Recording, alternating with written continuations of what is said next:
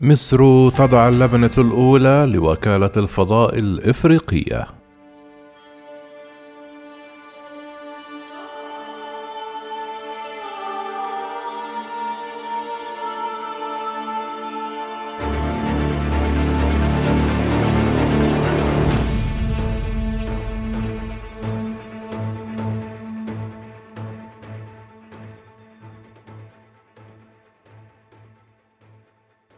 اتخذت الحكومة المصرية خطوة جديدة نحو إنشاء المقر الرئيسي لوكالة الفضاء الإفريقية على أراضيها، إذ ناقش مجلس الشيوخ المصري اعتماد مبلغ عشرة ملايين دولار من أجل تأسيس وكالة الفضاء الإفريقية على الأراضي المصرية.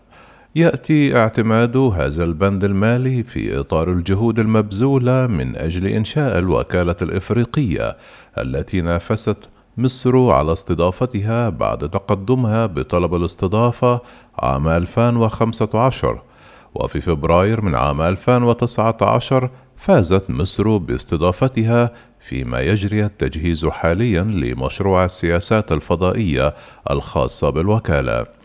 من جانبه يكشف النائب ياسر زكي وكيل لجنة الشؤون المالية والاقتصادية بمجلس الشيوخ المصري أن اعتماد المبلغ المالي عشرة ملايين دولار من أجل البدء في مشروع وكالة الفضاء الأفريقية. يأتي في إطار خطة التنمية الاقتصادية والاجتماعية والتنمية المستدامة عن السنة المالية لعام 2021 و 2022 التي أعدتها وزارة التخطيط. ويضيف النائب المصري أن أعضاء مجلس الشيوخ وافقوا على الاعتماد المالي بالإجماع مشيرا إلى أن المشروع جاء تتويجا لجهود بذلتها القيادة السياسية من أجل الفوز باستضافة مصر للمقر الرئاسي للوكالة. كما لفت إلى أن الدولة المصرية تعمل في جميع المحاور خاصة الاهتمام بإفريقيا التي تغيبت عنها مصر فترات طويلة. مؤكدا أن خطوة إنشاء الوكالة الإفريقية يعزز العلاقات المصرية الإفريقية على الصعيد العلمي والتكنولوجي.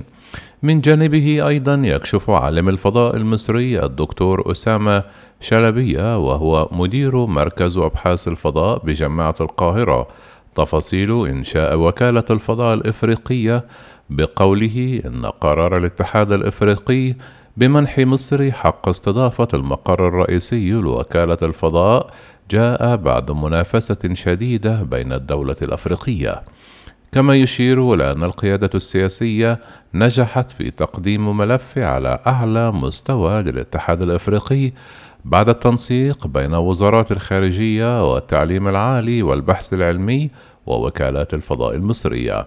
ويتابع عالم الفضاء المصري. كانت هناك وفود من علماء أفارقة على أعلى مستوى قاموا بزيارة الدول التي تقدمت للمنافسة. وتوج الملف المصري بالفوز بعد حصوله على أعلى الدرجات. والآن تستضيف مصر مقر الوكالة على أراضيها. وعن مبلغ العشرة مليون دولار الذي رصدته الحكومة المصرية مؤخرا يقول أن هذا المبلغ تقدمه مصر من أجل الإنشاءات الأولية فقط للمبنى الرئيسي. أما ميزانية الوكالة فسوف تتحملها الدول الأعضاء في الاتحاد الإفريقي. كما وصف مدير مركز أبحاث الفضاء بجامعة القاهرة حصيل مصر على هذه الاستضافة بأنه أمر يعكس دور القاهرة الريادي بمجال علوم وتكنولوجيا الفضاء في القارة السمراء. لافتا إلى أن عقب هذه الخطوة يأتي الإعداد لاستكشاف الفضاء الخارجي بالتعاون مع كل الدول الأفريقية. من يمتلك الفضاء يمتلك ما على الأرض. بهذه المقولة يشدد شلبية على أهمية أن يكون للدول الإفريقية مكانتها في المستقبل القريب لامتلاك علوم وتكنولوجيا الفضاء.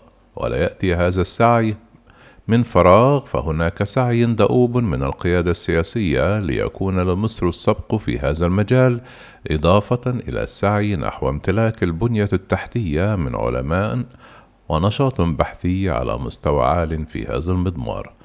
كما صرح العالم المصري بأن الطموحات الكبيرة لإفريقيا من أجل امتلاك هذه التكنولوجيا المهمة لن تتحقق إلا بوجود خطة تنفيذية طموحة ووضع لائحة تنفيذية وتمويل مالي ضخم يواكب طموحات مثل صعود إفريقيا إلى القمر على سبيل المثال.